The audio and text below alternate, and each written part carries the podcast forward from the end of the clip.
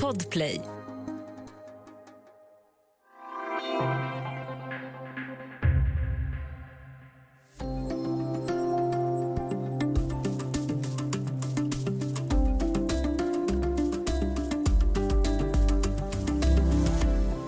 I början av en graviditet är allting hemligt, bara de allra närmast berörda vet.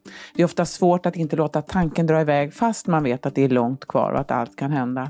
För de allra flesta går det bra om man får en bebis att pussa och lukta på.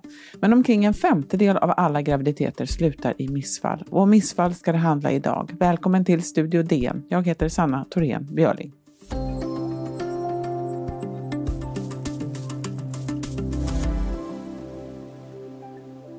En tornado av hopp och förtvivlan, spirande önskan och sen bara nattsvart sorg, skriver Alexandra Karlsson Tinitskaya i en text i Dagens Nyheter som handlar om lyckan över en graviditet och om hur det känns när förhoppningarna om ett barn eh, smulas sönder i missfall.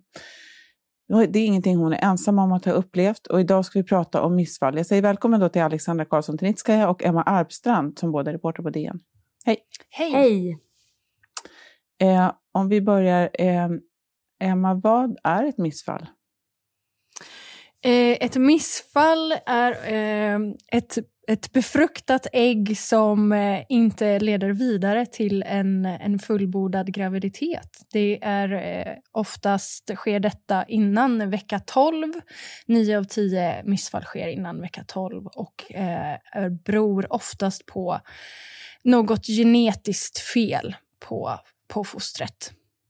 Ja, precis. Det är därför man ofta pratar om att man inte ska basunera ut att man är gravid förrän ungefär vecka 12. Det är många som håller det hemligt fram till dess. Eh, du sa att det beror på något genetiskt fel. Kan vi reda ut lite mer? Vad är det som, som är då när, när kroppen spontant gör sig av med eh, en graviditet? Vad, vad är det som händer? Eh, ja, det, det, är ju då att kroppen eh, är, ju en, är ju väldigt smart. Eh, och det sa ju överläkaren som vi, eh, som vi pratat med, Helena Kopp-Keller där, om, om att när man är gravid så det är väldigt svårt att bli, för kroppen att bli av med en graviditet som vill fästa.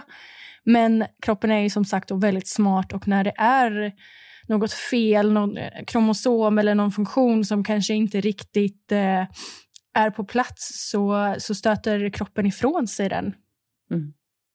Det här är förknippat med väldigt mycket känslor. Ehm, du har skrivit om dina egna erfarenheter, Alexandra. Tack för den texten, otroligt fin text. Ehm, vad var det som gjorde att du eh, ville skriva om det du hade varit med om?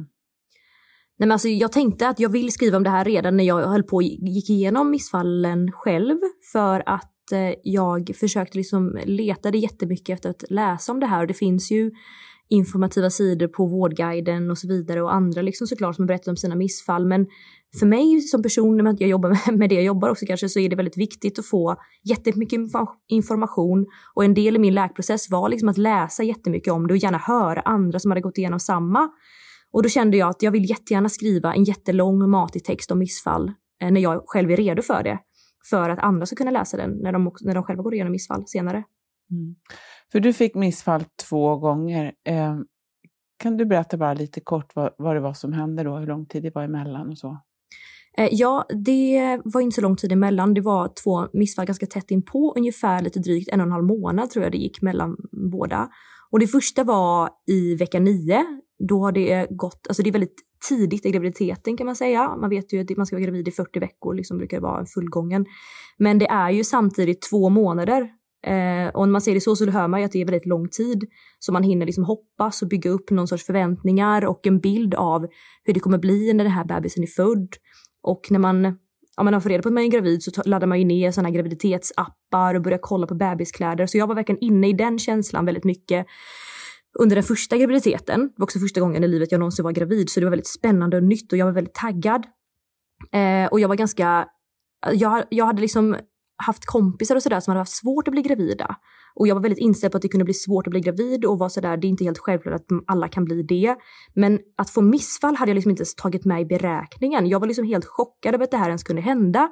För att jag hade liksom inte tänkt på att på att det finns, vilket det kan låta konstigt i efterhand med tanke på att det är så vanligt.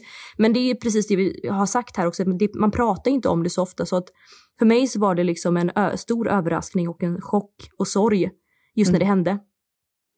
Och sen kom det andra ganska snabbt eh, därefter. Vem, vem berättade du det här för? Vem, pratade, vem hade du pratat med? Eh, mm. första gången så var jag sådär, då berättade jag alltså såklart för min partner då, men sen berättade jag också för min närmaste familj och även min bästa kompis. För att jag var sådär verkligen sprudlande och jätteglad. Så det var ganska många som ändå visste vad som, eh, att jag var gravid och sådär. Och de fick jag ju ringa upp efteråt och berätta då att det var ett missfall och det var ju jättejobbigt såklart. Mm. Eh, andra gången så var jag sådär eh, väldigt, alltså var, hade ganska mycket mörka tankar och var väldigt ledsen och deprimerad, och kanske egentligen inte redo för att bli gravid igen. Eh, så då berättade jag verkligen bara för min partner, det var bara han och jag som visste att jag var gravid igen. Liksom. Men det, det tog också slut eh, bara några dagar tror jag efter att jag fick reda på att jag var gravid. Mm. Eh, för det är ju också väldigt ensamt att vara den, den som bär på det här fostret. Det är, det är klart att man är två oftast, inte alltid, men om man är två som eh, väntar barn tillsammans eh, så är det ju ändå kvinnan som har det här som växer inuti. Eh, är det någon, på vilket sätt skiljer det sig, den här sorgen som man kan känna som... Det är klart att allting är individuellt, men vad, vad tror du att det spelar för roll? Alltså jag tror att det spelar all roll faktiskt, att man får uppleva det själv i sin kropp. Eh, eh, sen min partner är en kille då, så för honom så är det svårt. Han har överhuvudtaget inte varit med om någonting som har liksom med kvinnokroppen att göra på det sättet. Men även om man är liksom två tjejer och sådär oavsett så är det den som eh, alltså den som får bära det här fostret eller får vara med om den här tidiga graviditeten får ju känna alla de här gravidsymptomen och känna hur kroppen förändras och det, det är ju väldigt mycket som händer. Så man, förutom att liksom man liksom hinner tänka så känner man ju det hela tiden också i kroppen och det tror jag bidrar jättemycket till att man eh, blir väldigt mycket mer berörd kanske än, än sin partner ofta. Mm. Eh, Emma, du har ju pratat med flera läkare och eh, eh annat fackfolk om de här frågorna. Stämmer det här överens ungefär med vad de har sagt? Eh, ja, jag pratade med en psykolog som heter Eva Lyberg och hon berättar ju att, det, att hon jobbar mycket med par som kommer till henne som har olika eh, tankar och frågor kring graviditet och fertilitet och sånt där och att eh, ett, ett missfall är en, en ganska en kris och är traumatiskt och att, eh, att vi i samhället, eh, det är liksom man, man sör, det är en sorg, man sörjer ju någonting som man har som, som försvinner och att eh, man borde tänka, att omgivningen borde tänka mer på det som när man sörjer en, en annan anhörig. För det blir en, en väldigt stor kris både för, för kvinnan och eh, den andra partnern också, men förstås på, på olika sätt. Mm. Alexandra, jag tänker också på liksom vilka känslor, förutom sorgen, så tänker jag att man som dels att man kanske är ganska ensam för att det inte är något man har berättat för jättemånga, men att man kanske också känner sig eh, nästan lite så skamsen eller generad över så här, men jaha, eh, hade jag för stora förväntningar nu? Hur kunde jag tro att det här skulle bli? Eh, var det något du kände? Att man nästan kan känna sig övermannad över att man, alltså förvånad över att man blir så ledsen? Alltså absolut. Jag tycker verkligen att det, det låter inte logiskt någonstans när jag säger det nu, men jag tyckte jag skämdes jättemycket över det här av någon jättekonstig anledning. Jag tyckte det var jättepinsamt att jag skulle gå igenom det här missfallet. Och det kan man ju höra nu i efterhand, liksom att det är sådär kollegor som bara, men vad tråkigt att vi inte visste. Eh, så. Men, men det, där och då så fanns det liksom inte på kartan att berätta det för att det kändes så himla privat och eh, jättejobbigt. Eh, mm. Så, faktiskt. Mm. Jag kan ju säga, jag har ju inte personligen gått igenom något missfall och ens varit i närheten av det. Men så fort man liksom börjar tänka att man vill bli förälder och man slutar använda preventivmedel så tänker man ju att ja, men den här månaden kan det ju bli ett barn och när ens mens är försenad så börjar ju ens tankar liksom att växa. Och även fast man är beredd på att den kan ju komma så blir... Jag blev i alla fall de första gångerna efter att vi hade bestämt, jag och min partner hade bestämt oss att när mensen kom ändå, att man blev ju ledsen på ett sätt som jag, man inte var förberedd på. Mm. Just det. Vi ska alldeles, alldeles strax prata mer om eh, missfall och vad man kan göra om man får det upprepade gånger.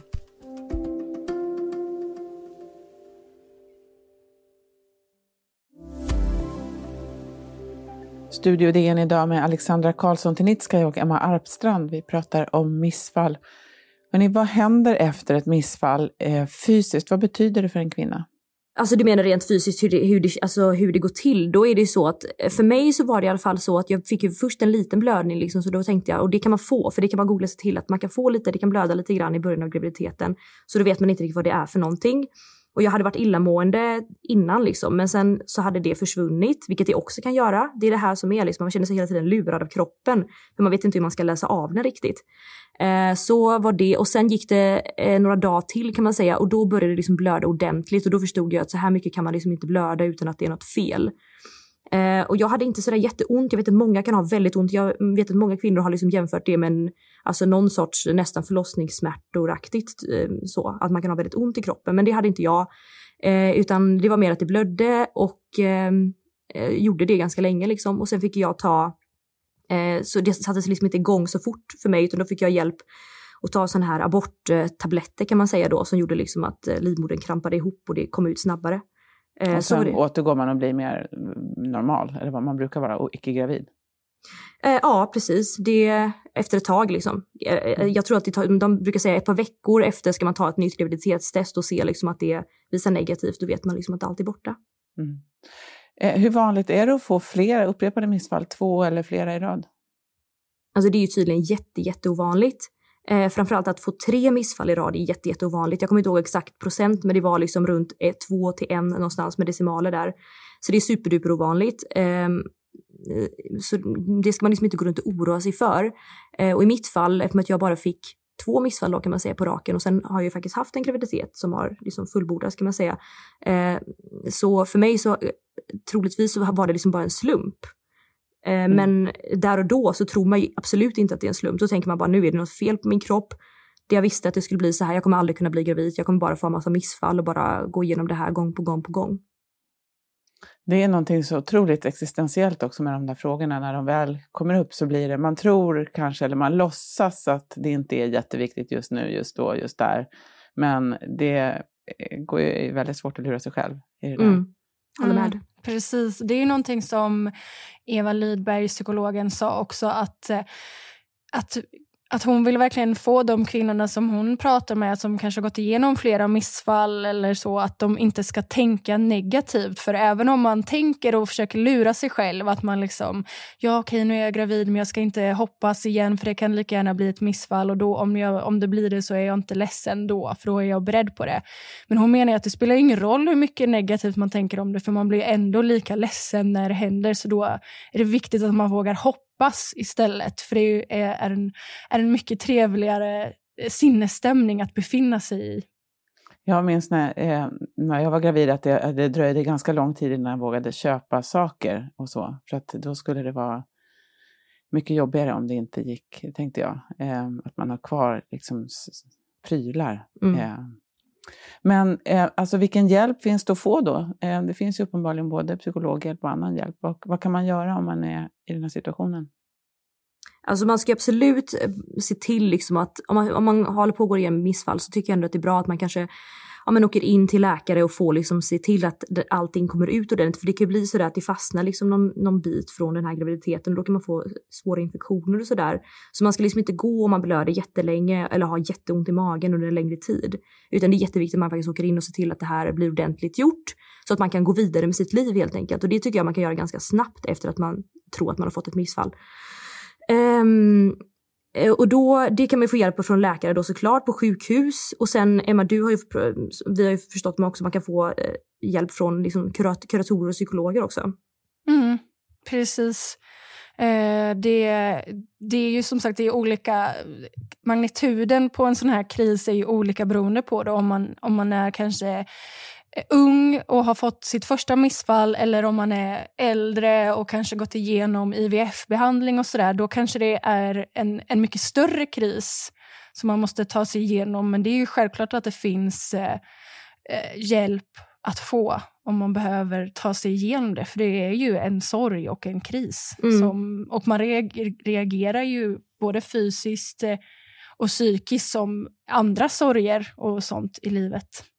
Och då ska man, då ska man ringa till, jag måste bara säga att då, då, då kontaktar man sjukhuset, det stora sjukhuset där man bor, eh, på deras gynekologiska mottagning och berättar vad som har hänt och då kan de alltid hänvisa en vidare så att man kan få den här psykologhjälpen. Man behöver inte leta efter någon psykolog själv utan det finns liksom, de vet. Du var inne på det Alexandra, att det är väldigt ovanligt att man får många missfall på raken eller eh, till och med mer än två. Men hur var det för dig? Du blev ju gravid igen. Du, hade, du liksom, hade det sjunkit in så att du inte var rädd för att utsätta dig igen? Så att säga? Längtan efter ett barn är ju väldigt stor. Så att man, men det var, ju ändå, var det någonting som du tänkte? Ja, alltså nej, alltså jag var livrädd hela, alltså hela tiden kan man säga. Och hela min graviditet som blev fullgången också sen. Var jag liksom, eh, typ, vågade knappt gå på toaletten liksom, för att jag var så rädd att jag skulle se massa blod. Och var, eh, vågade nästan aldrig hoppas liksom, på att det skulle gå hela vägen. Det var verkligen liksom att det var något jag bar med mig. Eh, så så det, det, tror jag också är jättevanligt att man när man varit med om det här igen och vet liksom att det kan gå fel, då blir det lätt att man tänker sådär att varför skulle det inte kunna gå fel den här gången också då? Mm. En sak som jag tycker är väldigt spännande som ni också skriver i den här texten, det är ju hur otroligt, och du, ni var inne på det också i början här, men hur seg eh, kvinnokroppen är. Att man, och det har man ju sett och man vet med sig det, att kvinnor blir gravida och föder barn under de mest extrema, fruktansvärda omständigheter. Vad har, har det där någon relevans här, tycker ni? Hur, hur ska man se på det där? Det är ju helt otroligt egentligen. Jag tycker det är jättestor relevans. Det var ju en väldigt intressant liknelse där som överläkaren Helena Kopp-Kellner sa om att om det var lätt att bli av med en graviditet så skulle det inte behöva finnas några abortmottagningar. Och det, det är en tanke som inte slagit mig tidigare. Men att, eh, att kroppen liksom vill ju så, så bara så gott det går behålla en graviditet även under de mest eh, jobbiga omständigheter. Så man behöver inte vara så rädd eh, för att, att göra fel så att säga, när man väl är gravid. Man framkallar inte missfallet. Exakt. Det, det, är inget som man kan göra av, av sig självt. Alltså, Nej, man kan inte, man kan inte ska, ja, framkalla ett missfall av sig själv. Nej. Precis. Man får försöka tänka att inte vara så hård mot kroppen. Liksom. Man får vara lite förlåtande och bara nu blev det inte som du och jag hade tänkt kroppen men det kanske går nästa gång och eh, med största sannolikhet så kommer det gå vägen någon gång. Mm. Och jag förstår ju, liksom Alexandra, det är klart att du, nu har du, eh, det var en graviditet som, som fungerade och du är mamma idag och så. Men om man eh, ser innan du blev det, vad var det som hjälpte dig bäst att, att komma igenom det här? Var det att prata eller vara i fred eller försöka igen eller skriva eller vad hjälpte dig? Nej, alltså för mig, där är man ju väldigt, väldigt olika som person så jag kan bara ut tala utifrån mig själv. Men för mig så var det bara liksom att älta det här faktiskt. Så jag pratade jättemycket med min partner om det här hela tiden, hade typ eh, långa samtal med honom varenda kväll här liksom. Men också med kompisar, i stort sett nästan alla som ville höra kan man säga. För att för mig så funkar det bäst att prata om det. Nästan varje gång jag också berättade för någon sen att jag var gravid igen och att ja, det hade passerat den här säkra perioden kan man säga, så var jag också så här bara, ville jag alltid tillägga liksom bara, men jag har fått två missfall innan. Bara, alltså, det bara kändes sådär viktigt att säga det på något sätt. Jag vet inte varför, men det har hjälpt mig i alla fall att liksom säga att det inte är så konstigt. Det är lite sånt som händer, det är en del av livet liksom. Mm. Hoppas att det är det ni också bidrar med med den här texten, att få bort en del av de kanske skam, skamkänslor som, som omgärdar det här, eh, som är som du sa helt eh, oproportionerliga och inte relevanta egentligen, även mm. om de finns där. Mm. Vi vill ju jättegärna skriva de här texterna också just för att det inte ska bara vara någonting som man eh, läser i, i ja, speciella mamma och föräldrarmagasin utan att det här är någonting som även är en angelägenhet för alla. Precis. Just för att det är för så vanligt så är det liksom absolut någonting som passar liksom i Dagens Nyheter för att det är något som händer så himla många familjer. Och det är inte så konstigt. Mm. Stort tack för att ni var med idag, Alexandra och Emma. Tack. tack. Studio DN görs för Podplay av producent Sabina Marmelakai, exekutiv producent Augustin Erba, ljudtekniker Patrik Miesenberger och teknik Jonas Lindskog, Bauer Media. Jag heter Sanna Thorén Björling.